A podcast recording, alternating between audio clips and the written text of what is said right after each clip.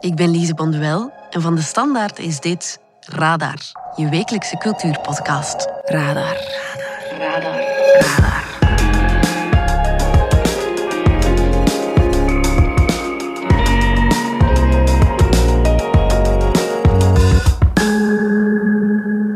Wat is dat toch met pop art? Waarom lopen we nog altijd zo zot van Andy Warhol en Roy Lichtenstein?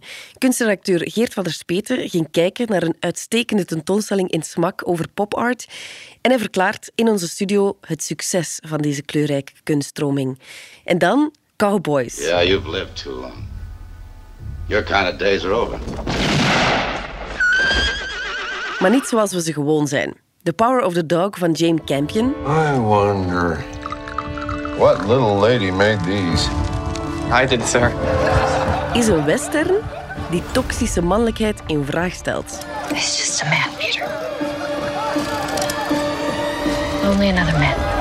En The Harder They Fall van James Samuel is een bikkelharde western met een bijna volledige zwarte cast. Please. De western is alive and kicking. Op Netflix en in de bioscoop. Met filmkenner Steven de Voer hebben we het straks over de evolutie en de toekomst van het genre western. Let's go! Welkom bij Radar. Radar. Radar. Radar.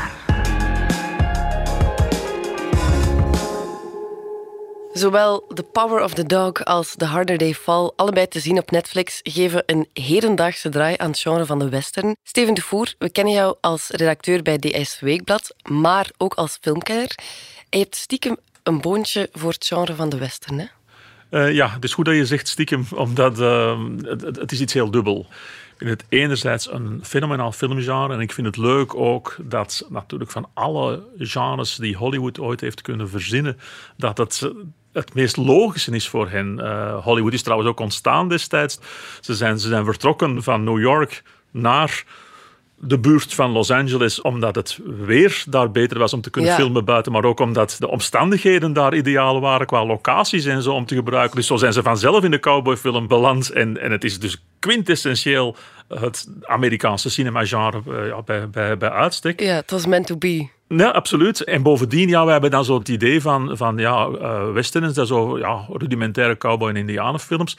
In de geschiedenis zijn er vaak heel ingenieuze, gelagerde genres in de western zelf gesprongen. Stagecoach speelt zich grotendeels af als een soort van clos, als een, als een kammerspiel van de mensen die in die postkoets zelf zitten. Terwijl er natuurlijk er buiten ook wel wat gebeurt. The American stagecoach crossed the uncharted rugged West, bringing new people to a new country. What fascinating stories there were in the life of the stagecoach. High Noon, beroemde film, is een politieke allegorie. The Searchers is een psychologisch drama over eh, hoe persoonlijk leed mensen racistisch kan maken. I found Lucy back in the canyon. What was she? What do you want me to do? Draw you a picture? Spell it out? Don't ever ask me. Long as you live, don't ever ask me more. Die films zijn vaak veel complexer. Er zijn absolute hoogtepunten uit de cinema. Maar langs de andere kant kun je er natuurlijk niet omheen dat het allemaal wel bij zijn haren gesleurd is, omdat het met de werkelijkheid van hoe het leven in het tussen aanhalingstekens Wilde Westen eruit zag, eh, niet altijd heel veel mee te maken heeft. dus je zit al met het feit van, ja, dit is wel niet echt. Dit is een soort van sprookjeswereld die gecreëerd is. En bovendien, met de ogen van vandaag, ja, het is ook wel een beetje een fout genre natuurlijk. Heel, heel erg wit. Heel Ja. erg macho, mannelijk. Dus ja, als we dan met een woke blik naar gaan kijken, dan is er heel veel fout aan westerns. Maar het is zo plezant vaak. En hoe ziet een klassieke western er dan uit? De gebruikelijke onderdelen zijn natuurlijk wel sheriffs en, eh, en boeven. In sommige gevallen zelfs gewoon letterlijk met witte en zwarte hoeden die duels uitvoeren op straat. Wat in werkelijkheid zeer, zeer zelden gebeurde. En de confrontaties met Indianen, die er natuurlijk, en dat is ook een deel van het eh fouten, die er in klassieke westerns ook wel eh, vaak ja, puur als het, het gevaar hebben uitgezien. Hè, als, de, als, als de wilden, tussen aanhalingstekens, Ja. die, de, die de blanken aanvielen. That's my wife, Yakima, my squaw. Yes, but she's she's savage. Yes, senor. She's a little bit savage, I think. Something funny about this. That woman's an Apache. I think maybe not so bad to have Apache wife, eh? Apache don't bother me, I think. En ja, dat strookt gewoon niet met de werkelijkheid. De werkelijkheid is dat Indianen eigenlijk altijd maar uh, weer opnieuw zijn uh, verdrongen geweest door een veel te machtig leger. En dat dat, dat ja, feitelijk gewoon een georganiseerde genocide is geweest door blanken. En dan dus als, als gevaarlijke wilden worden voorgesteld in, in films, dat dat niet erg eerlijk was.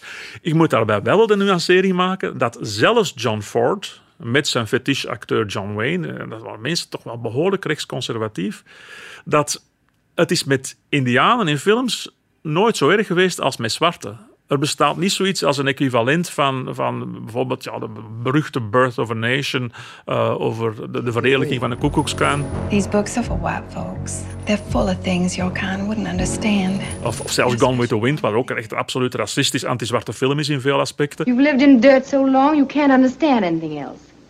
And you're jealous of something you can't understand. Zo erg hebben ze nooit durven bakken tegenover Indianen. Je merkt dat zelfs bij figuren als Ford en Wayne en zo, dat er wel een soort van respect voor was van, ja, die gasten die konden toch wel een stukje vechten. Ja. Het racisme in klassieke westerns zit er eerder in van dat het altijd de vechtende tegenstanders zijn, maar dat je geen Indianen, maar ook geen zwarte, geen Chinezen bijvoorbeeld, die toen ze aan de spoorwegen kwamen helpen, echt heel, heel hard de geschiedenis van het Westen hebben gedetimineerd.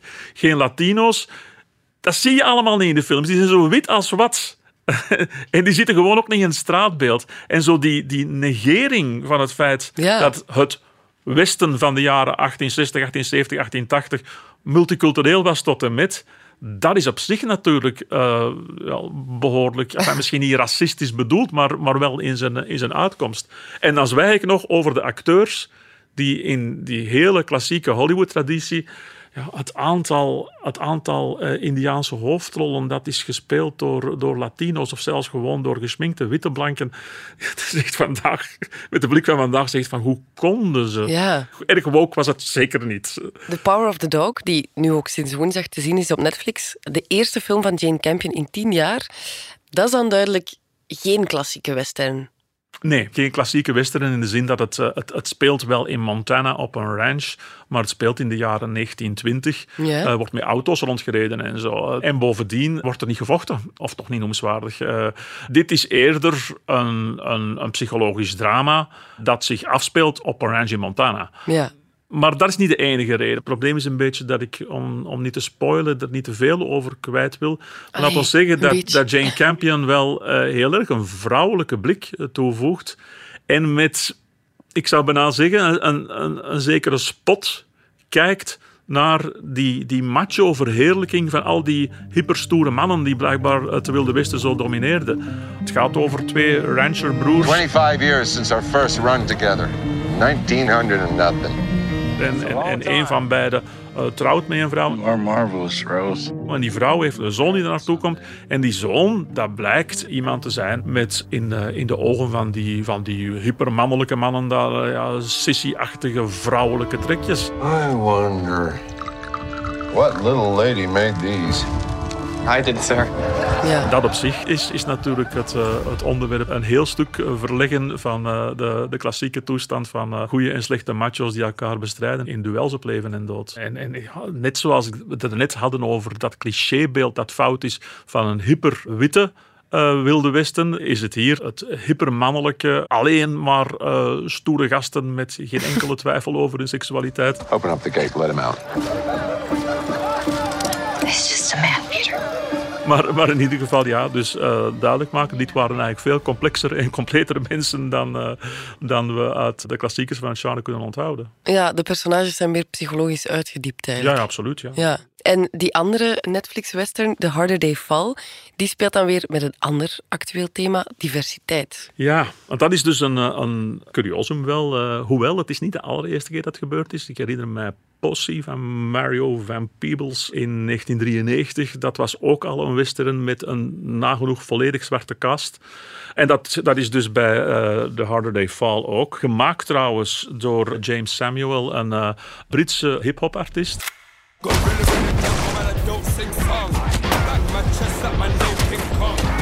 Een, een inhoudelijk qua thematiek van bandieten die elkaar de buit afpakken en sheriffs die ertussen komen en zo, is het allemaal klassieke ingrediënten. Ja. Maar ze zijn dus allemaal zwart.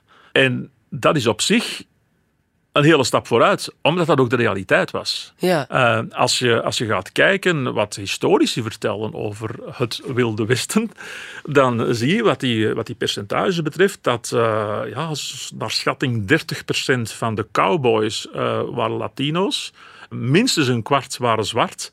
Wat ook allemaal niet zo eigenaardig is, hè? want slaven werden voor, voor van alles ingezet, voor handenarbeid. En dus er waren ook heel veel, uh, letterlijk, ja, koe, koehoeders, cowboys waren, waren Ah, vaak ook ja. al slaven geweest. Die kenden dat vak al. Dus op het moment dat die ontsnapten of uh, na de burgeroorlog werden vrijgelaten, was dat op zich uh, ja, slecht betaald, ongeschoold werk waar zij al ervaring in hadden. Dus ja, een kwart van de cowboys was zwart. En dus ook andere nevenberoepen in het Wilde Westen, van outlaws tot, tot en met sheriffs, zijn, zijn wel degelijk ook zwart geweest. Dus dat is op zich heel knap. Alleen ben ik geweldig teleurgesteld door deze film, omdat uiteindelijk, ja, wat dat die uh, ja, Britse hip-hopman er nu van heeft gemaakt, is uh, een soort van uh, ja, coole zwarte film met, met snedige dialogen. Where is he? Where is who? Your boss. My boss. Clearly, you don't know me. Extreem, maar echt extreem zwaar geweld. I don't particularly enjoy violence. That being said, you are currently in company of extremely violent individuals. Jump, mother. En uh, die bevolkt is met allerlei personages, of in ieder geval hun namen van echt kleurrijke zwarte figuren uit uh, het westen van de tweede helft van de 19e eeuw. Maar zonder dat er iets met hun echte verhalen gedaan is. Terwijl die echte verhalen vaak ongelooflijk boeiend zijn. Maar nee, alsof dat het, uh, weet ik veel, die Avengers zijn. Mensen die elkaar nooit kunnen hebben tegengekomen. We steken die bij elkaar en we zetten er een mixer in. En we zetten er wat coole muziek onder. En een soort van, van spaghetti-westernachtig uh, geweld. en we hebben een film. En ik denk dan vooral, verdraaid, je bent zwart. Je wilt eindelijk eens laten zien dat het het Wilde Westen helemaal niet zo wit was. En die verhalen zijn op zich kei boeiend. Doe iets met die echte verhalen. En dat gebeurt dan niet. En dat deed trouwens die Mario van Peebles in, uh, in, in Posse. Die deed precies hetzelfde. Een heleboel stijl, maar, maar, maar niet het verhaal vertellen. Dat moet verteld worden. En dat is zonde natuurlijk. Ja, een tip voor uh, andere regisseurs die nu aan het luisteren zijn om er wel iets anders mee te doen. ja, wel. Ik zou het, ik zou het fijn vinden als dat zou kunnen. Omdat ze gaan zo vaak in de fout. Ik heb, ik heb ook echt geweldige moeite uh, gehad met Quentin Tarantino. met, met Django Unchained. What's your name? I'm on a rise right out of the ground. Django. Then you're exactly the one I'm looking for. Hey. Stop die echt een compleet foute film vindt. Daar zien we dan een witte man die zegt: van, Ik zal niks keer keer zeggen hoe het had moeten gebeuren. You kill people. And they give you reward. Better they are, bigger the reward. En die, dan, die, die een verhaal maakt waarin dat hij ten eerste, waarbij dat de, de zwarte held wel eerst een duwtje in de rug moet krijgen van een blanke man die, die hem zegt wat hij allemaal Ja. moet gaan doen, dat op zich al, maar die dan daarna een complete nieuwe geschiedschrijving doet, waarbij eigenlijk precies hetzelfde zoals bij Inglourious Basterds en de Joden tegenover Hitler, dat, dat Quentin Tarantino eens een keer gaat zeggen van, maar wat voor een bende watjes waren jullie nu eigenlijk? Joden in de ene film en zwarten in de andere film. Na je betogen durf ik het bijna niet meer toegeven, maar ik heb wel echt genoten van Django Unchained. dat mag, maar ik, uh, veel mensen, maar ik vind dat uh, uh, style over substance, je kunt zeggen ja, interessante fantasie, maar je geeft wel aan een onderworpen volk de indruk dat, ja, dat ze zich watjes hebben gedragen en dat, uh, Ja. dat het allemaal anders had gekund als ze dat hadden gewild, wat in de werkelijkheid niet zo was. Hè. ja, ja, ja, exact. Maar het is ook niet zo zwart-wit, hè, als we teruggaan in de geschiedenis. Ja, nee, maar dat is wel langzaam maar aan het opgeschoven. Uh, en dat is eigenlijk al lang bezig. Bijvoorbeeld, het is heel, heel frappant hoe uh, de regisseur van het genre, John Ford, dat die al in 1966 zijn allerlaatste western, Cheyenne Autumn, die uh, ging ineens die hele geschiedenis bekijken vanuit het standpunt van de Indianen. These are the heroes of this epic story. Een heel uh, frappant geval van iemand die eens voor een soort van wiedergoedmaching doet, heel laat in zijn, uh, in, in, zijn carrière. En, en dan in de, in de ja, zo wat linksere jaren zeventig is dat eigenlijk een genre op zich geworden. Mm -hmm. om het, om het vanuit de kant van de Indianen te gaan bekijken. Uh, met als bekendste voorbeeld, en in de jaren tachtig wel, uh, Dances with Wolves. Ja. En, en, wat je wel zeker en vast merkt, is dat de jongste twintig jaar worden er bij lange niet meer zoveel westerns gemaakt als vroeger, toen dat die aan de lopende band werden gemaakt. Maar er zijn er nog wel goede. En over het algemeen gaan die inderdaad wel een stap verder in het tonen van de complexiteit van de wereld toen. En er zijn een paar schitterende gemaakt. The True Grit van de Coen Brothers. Mr. Cogburn. What do you want, girl? I'm looking for the man who killed my father. The man's name is Tom Cheney. And I need somebody to go after him. was eigenlijk een remake van een eerdere film met John Wayne, maar is oneindig veel beter. Niet alleen stilistisch en verhaaltechnisch, maar ook bijvoorbeeld door die eh, centrale rol van dat meisje. Normaal gezien komen geen meisjes voor in, in Western. Ze zijn niet interessant, ja. want die schieten niet. Uh, uh, maar, maar, maar hier dus wel. Ja, en dan heb je dan uh, de, de Revenant van Alejandro González Inarritu met die fantastische rol van Leonardo DiCaprio. My was our boy. And he took him from me, you understand? Waar gebeurde vooral van die, van die, die trapper die, die verloren geraakt in de bossen en op zijn eentje moet terugkeren. Maar dat is echt een voorbeeld van hoe het wel moet. Dat is fantastisch goed geresearched. Dat heeft ook ja, respect uh, voor de, de werkelijkheid, zowel die ontberingen in de natuur en zo, maar ook het gedrag uh, van, uh, van die Indianen. En het zou altijd zo moeten zijn, alleen gebeurt mm. het helaas uh, uh, niet al te vaak. Maar uh, dit jaar nog bijvoorbeeld hebben we ook nog een hele knappe gehad, vind ik. News of the World met, met Tom Hanks. Ladies and gentlemen, my name is Captain Jefferson Kyle Kidd. And I'm here tonight to read the news from across this great world of ours. Waarin dat je ook, en dat is, dat is het mooie eraan, dat zonder dat je daar alle conventies van het genre voor moet overhoop gooien. Er mag nog wel eens geschoten worden, het is een western tenslotte.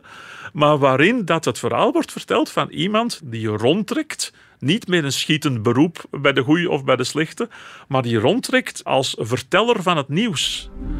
So they pay you to tell stories. I ain't never heard of that. En, en je leert eigenlijk van alles over dat heel bijzondere beroep dat we ons vandaag niet kunnen voorstellen. En bovendien is dat personage van Hanks zo interessant. Captain, you, Johanna. Captain. Captain.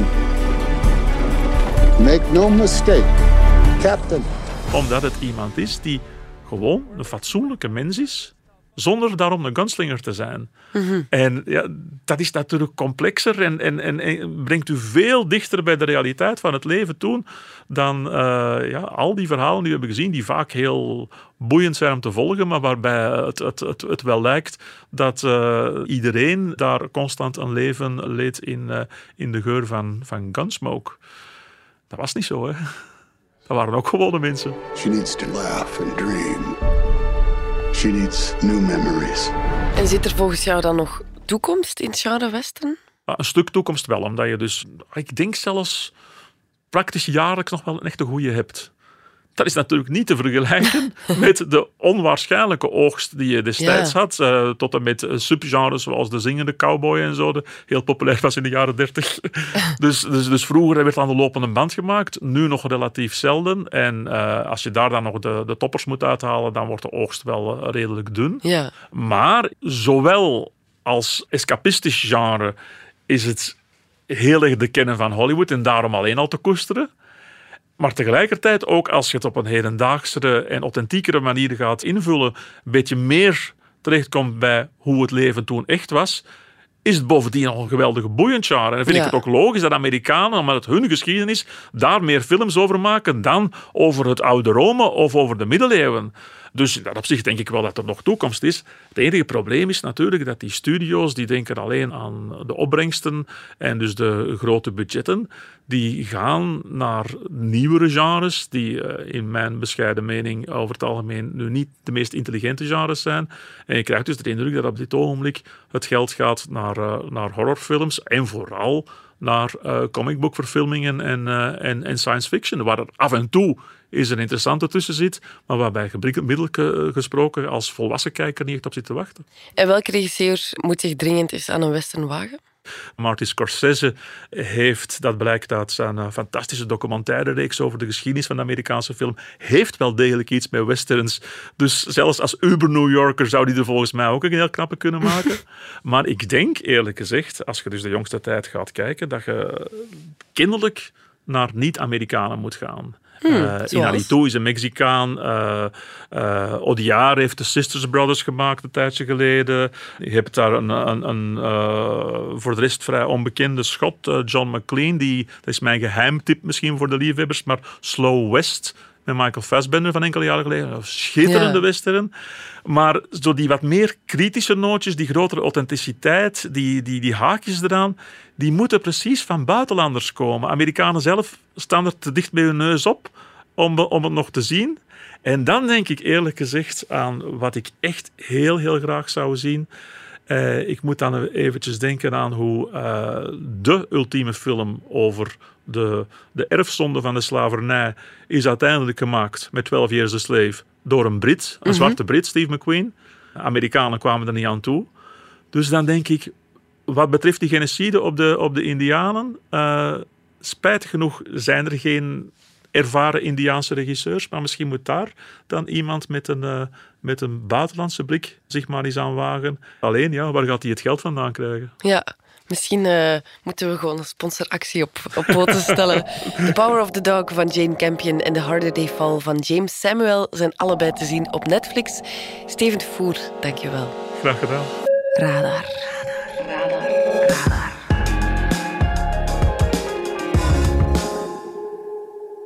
Van Andy Warhol tot Roy Lichtenstein. Wie popart wil proeven, moet deze dagen naar het SMAK in Gent. Geert van der Speten, kunstredacteur. Jij vindt dat het een knappe expo geworden is, hè? Ja, dat klopt. Het is een overzicht in vogelvlucht uh, met een vijftigtal werken. Dus niet de kolossaal grote retrospectieven, maar alle topnamen zijn wel uh, vertegenwoordigd en bovendien met fijne, relevante werken, denk ik. Christo is erbij met zijn vroege inpakkunst toen hij nog in Parijs verbleef. Je hebt de dots van Roy Lichtenstein, mm -hmm. Klaas Oldenburg met zijn uh, sculptuur, um, Robert Rauschenberg en ook uh, niet te vergeten Andy Warhol die met vijf sleutelwerken uh, aanwezig is, waaronder de Big Electric Chair uit 1967. Ja, nu 13 van de 50 werken die getoond worden, waaronder dan die uh, Big Electric Chair van Warhol, komen uit de kunstcollectie van Roger en Hilda Matthijs Kolle. Wie zijn die mensen? Ja, dat waren uh, verzamelaars die al in de eind jaren 50 begonnen zijn met kunst te verzamelen. En nu je het over die Warhol hebt, om dat werk te kunnen aanschaffen, hebben zij een van hun uh, werken moeten verkopen, die zij in hun vroegste periode, toen zij nog vooral met Belgische kunst bezig waren, uh, aangeschaft hadden. Een werk van een schilderij van Jean Brusselmans. Roger Matthijs was een, een neuropsychiater, um, getrouwd met Hilda Kolle. Ja. En uh, zij geraakten stilaan in de ban, uh, net als veel uh, verzamelaars in de jaren 60 en 70 die in het Gentse verbleven, door de hedendaagse kunst en vooral door de internationale kunststromingen die toen populair werden of toen furoren maakten, zoals minimal art, concept art.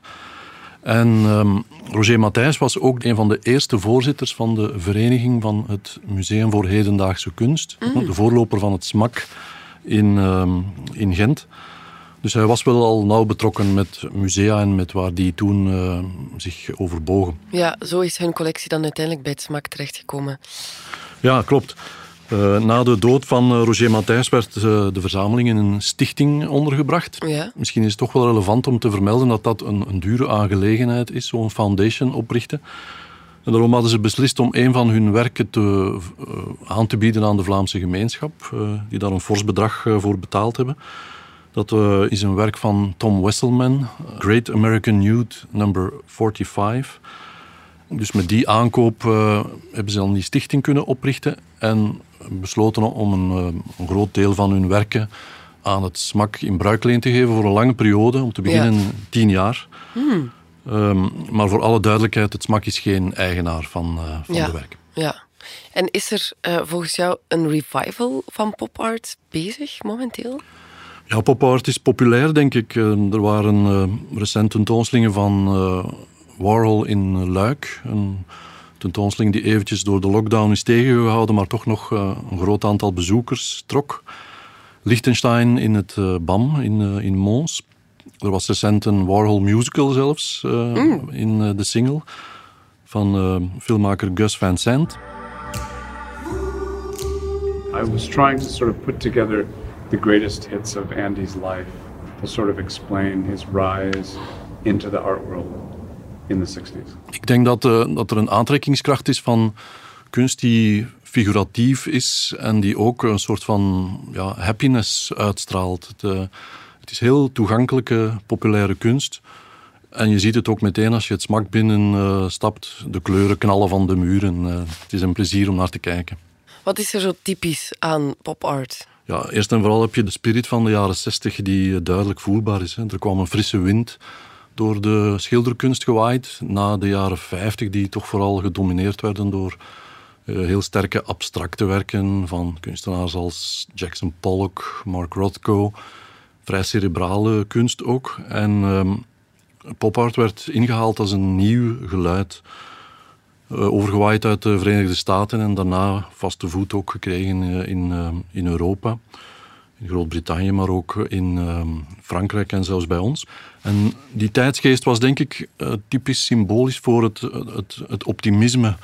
Er was een groot geloof in de vooruitgang. Denk aan de ruimtevaart die toen... Ja plots uh, overal in het nieuws was. En ook uh, de techniek zorgde voor nieuw comfort voor de mensen. Een van de eerste werken die je ziet in het smak is een heel kleurrijk tafereel van een badkamer. Ja. Badkamers waren in de jaren 60 eigenlijk redelijk, uh, redelijk nieuw. Pop art gebruikte ook totaal andere materialen dan kunst gewoon was op dat moment. Ze gebruikten uh, plaaster in plaats van brons plastic. Uh, ze schilderden met autolak bijvoorbeeld. En een voorbeeld dat ook bij ons heel bekend in de oren zal klinken. Mosselschelpen werden plots kunst. Marcel Broodtaars kookte een pot mosselen en stelde die voor als kunst. Ja. Ook van hem is een werk te zien, want zijn werk wordt ook wat geassocieerd met pop art, ehm, maar dan grafiek. Dus de mosselpot blijft rustig op zijn plaats staan, die is altijd te zien in het smak maar hij is aanwezig in de tentoonstelling ook. Oké. En is dat de kunst die we nodig hebben nu? Als je zegt het is optimistisch in deze donkere tijden? Ja, en je ziet ook dat zij putten uit het alledaagse. En, dat is iets waar, waar kunst nu ook meer naar op zoek is, denk ik. Popart haalde toen inspiratie uit massamedia, uh, film, mhm. comics, maar ook uh, uit uh, reclame. Ja. Wat verklaart hun specifieke beeldtaal en hun, um, ja, hun, felle, hun felle kleuren. Mm Dus ze, ze, trokken het populaire terug aan als onderwerp. En, en, je ziet nu dat dat ook weer, weer aanslaat. De mix van het gewone en het, het lichtjes absurde. Het kan weer in de kunst. Ja, en hoe kritisch staat uh, popart eigenlijk tegenover de consumptiemaatschappij? Ja, dan moet je denk ik een uh, onderscheid maken tussen de Amerikaanse pop-art en de Europese, degene die op het vasteland dan toch uh, bekend is geworden.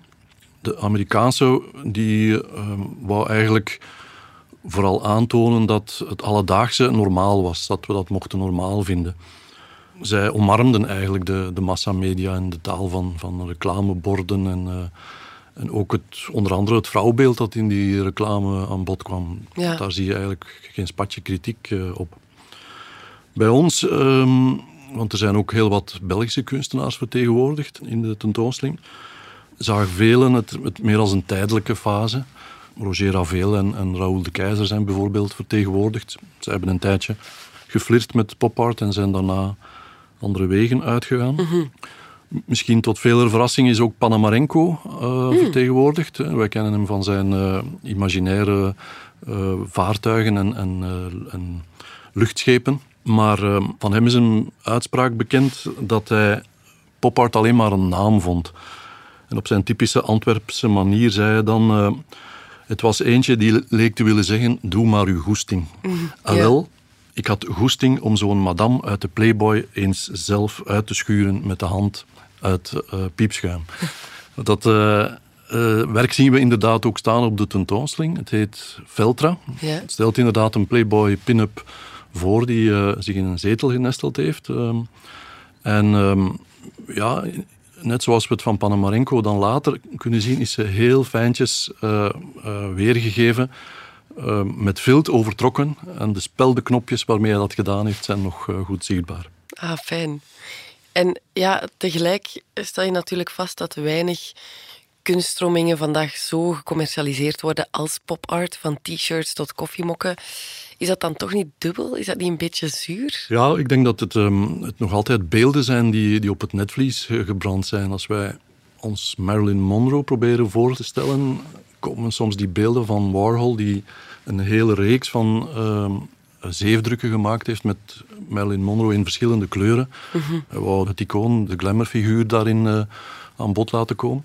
Dan duiken die beelden nog altijd op en ze zijn ook gemakkelijk reproduceerbaar, denk ik. Dat is hun voordeel. Ehm, daar was het Warhol voor een stuk om te doen ook. Hè. Ehm, hij gebruikte eigenlijk technieken uit de drukkunst. Olieverf op doek gebruikte hij niet. Hij gebruikte zeefdrukken die gemakkelijk uh, in serie um, te tonen waren en uh, reproduceerbaar waren. Ja, en miste stroming daardoor dan niet enige intellectuele diepte? Is niet wat gladjes allemaal? Je zou kunnen zeggen dat veel van de werken een heel vlak beeld tonen. Hè. Ja. Maar dat is misschien niet wat je bedoelt met oppervlakkig. Um, oppervlakkig zou kunnen zijn dat het het triviale, het banale mm -hmm. aan bod brengt en andere dingen uh, achterwege laat. Maar die doken toch wel snel op. Uh, om nog eens het voorbeeld van Warhol uh, te geven. Behalve figuren zoals Elvis Presley en, en um, Mao heeft hij ook werken gemaakt die hij recht uit de kranten plukte, uit de tabloids plukte, van uh, zware verkeersongelukken en ook van de elektrische stoel, waarmee hij aantoonde van, of wou laten zien van, kijk, ook in het dagelijks leven spelen rampen en dood een belangrijke rol. Is niet alleen uh, roze geur en maneschijn. Wel, popart is nog te zien tot 8 mei in Smak in Gent. Geert van der Speten, dankjewel. Graag gedaan. De suggestie van de chef. You know the drill. Elke week krijg je een suggestie van onze chef cultuur van de Standaard. Hier komt de tip van Filip van Ongevallen. Twee tips zelfs, want ik zou jullie naar het uh, BAM in Bergen willen sturen, waar een expo loopt van Fernando Botero, een Colombiaanse uh, schilder die uh, vooral bekend is om zijn zeer volumineuze werken die hij maakte. Als je schilderij van Botero ziet, dat is precies alsof die mens daar lucht in gepompt heeft in zijn figuren, zodat hij met een pompje er wat extra is gaan bijpompen, zodat het ballonnen lijken of luchtkastelen zelfs. Hij begon ooit met stillevens, uh, zijn de fruit en, en muziekinstrumenten die hij schilderde. En stilleven is eigenlijk een zeer statisch genre. Je ziet eigenlijk alleen, ja, je ziet dat fruit liggen op een schaal of je ziet daar dan een, uh, een mandoline of zo bij liggen. Maar doordat hij alles zo opblaast, zit daar toch beweging in zo'n schilderij bij, bij Botero. Later hij dan ook mensen beginnen schilderen, uh, ook altijd buiten proportie. Uh, je ziet hem bijvoorbeeld, ja, er hangt bijvoorbeeld een schilderij van een vrouw van op de rug gezien, maar die is eigenlijk zo groot en die heeft zo'n kont en daar staat dan een, een, uh, een wc naast geschilderd. Maar als je die wc ziet en je ziet die vrouw, ja, die kan zelfs niet met één bil op die, op die wc gaan zitten. Dus daar zit zo eigenlijk toch een plezante dynamiek in dat werk, doordat, doordat hij alles zo uitvergroot. Later is hij carnavalscènes en zo gaan doen. Er zit eigenlijk wel een zekere feestelijkheid in dat werk. Maar er hangt ook iets heel anders in het uh, BAM. En dat zijn een paar werken die hij maakte van uh, de folteringen in, uh, in de gevangenis van Abu Ghraib. Toen hij daarover een stuk had gelezen in de New Yorker in 2004, liet hem dat maar niet los. En dan is hij zich daarin gaan documenteren. Heeft hij wel 60 schilderijen gemaakt daarover. En dat is weer met dezelfde uitvergrotingen, maar dus ook met geweld in, in deze. En dat is op zich ergens ook wel weer mooi wat hij daarmee doet. En hij heeft die werken ook allemaal alle 60 geschonken aan de Universiteit van Berkeley in Californië, omdat hij wil dat ook in Amerika de mensen nooit vergeten wat in Abu Ghraib uh, is gebeurd. Dus dat is één, dat is de expo van Botero in het BAM. Als u dan toch in Bergen bent, zou ik u ook willen eens door de stad sturen. Bergen is een vrij kleine stad. Ik denk dat van het station, als je naar het BAM wandelt, dat je twee kilometer hebt gewandeld, maximaal of zo. Dus, en Bergen heeft ook een heel mooi street art parcours. Op de site van de stad in niet zo al te best Nederlands kan je uh, het, het plantje vinden. En ja, je leert zo de stad kennen. Uh, je bekijkt ze ook op een andere manier, want je bent aan het zoeken naar die muren. Het is eigenlijk echt plezant om, om dat te doen. En ik vind dat er wel een zekere lijn zit tussen de street art, wat eigenlijk ook met simpele lijnen is en met uitvergrote dingen vaak, en de expo van Botero, waar die dus zelf ook vaak dingen uitvergroot. De expo loopt nog tot eind januari. Radar, radar, radar, radar. Dit was Radar, de wekelijkse cultuurpodcast van de Standaard. Bedankt voor het luisteren. Volgende week zijn we er opnieuw. Radar bundelt ook cultuurtips in de Standaard Weekblad en in de nieuwsapp van de Standaard. Luister zeker ook naar onze nieuwspodcast Vandaag, uw dagelijkse nieuwsverhaal in 20 minuten. En uh, ken je DS-podcast al, de nieuwe podcast-app van de Standaard? Daar luister je niet alleen naar onze journalistieke reeksen, je krijgt ook elke week een eigenhandige selectie van onze redacteurs en je vindt er ook al je persoonlijke favorieten. Download de app nu gratis.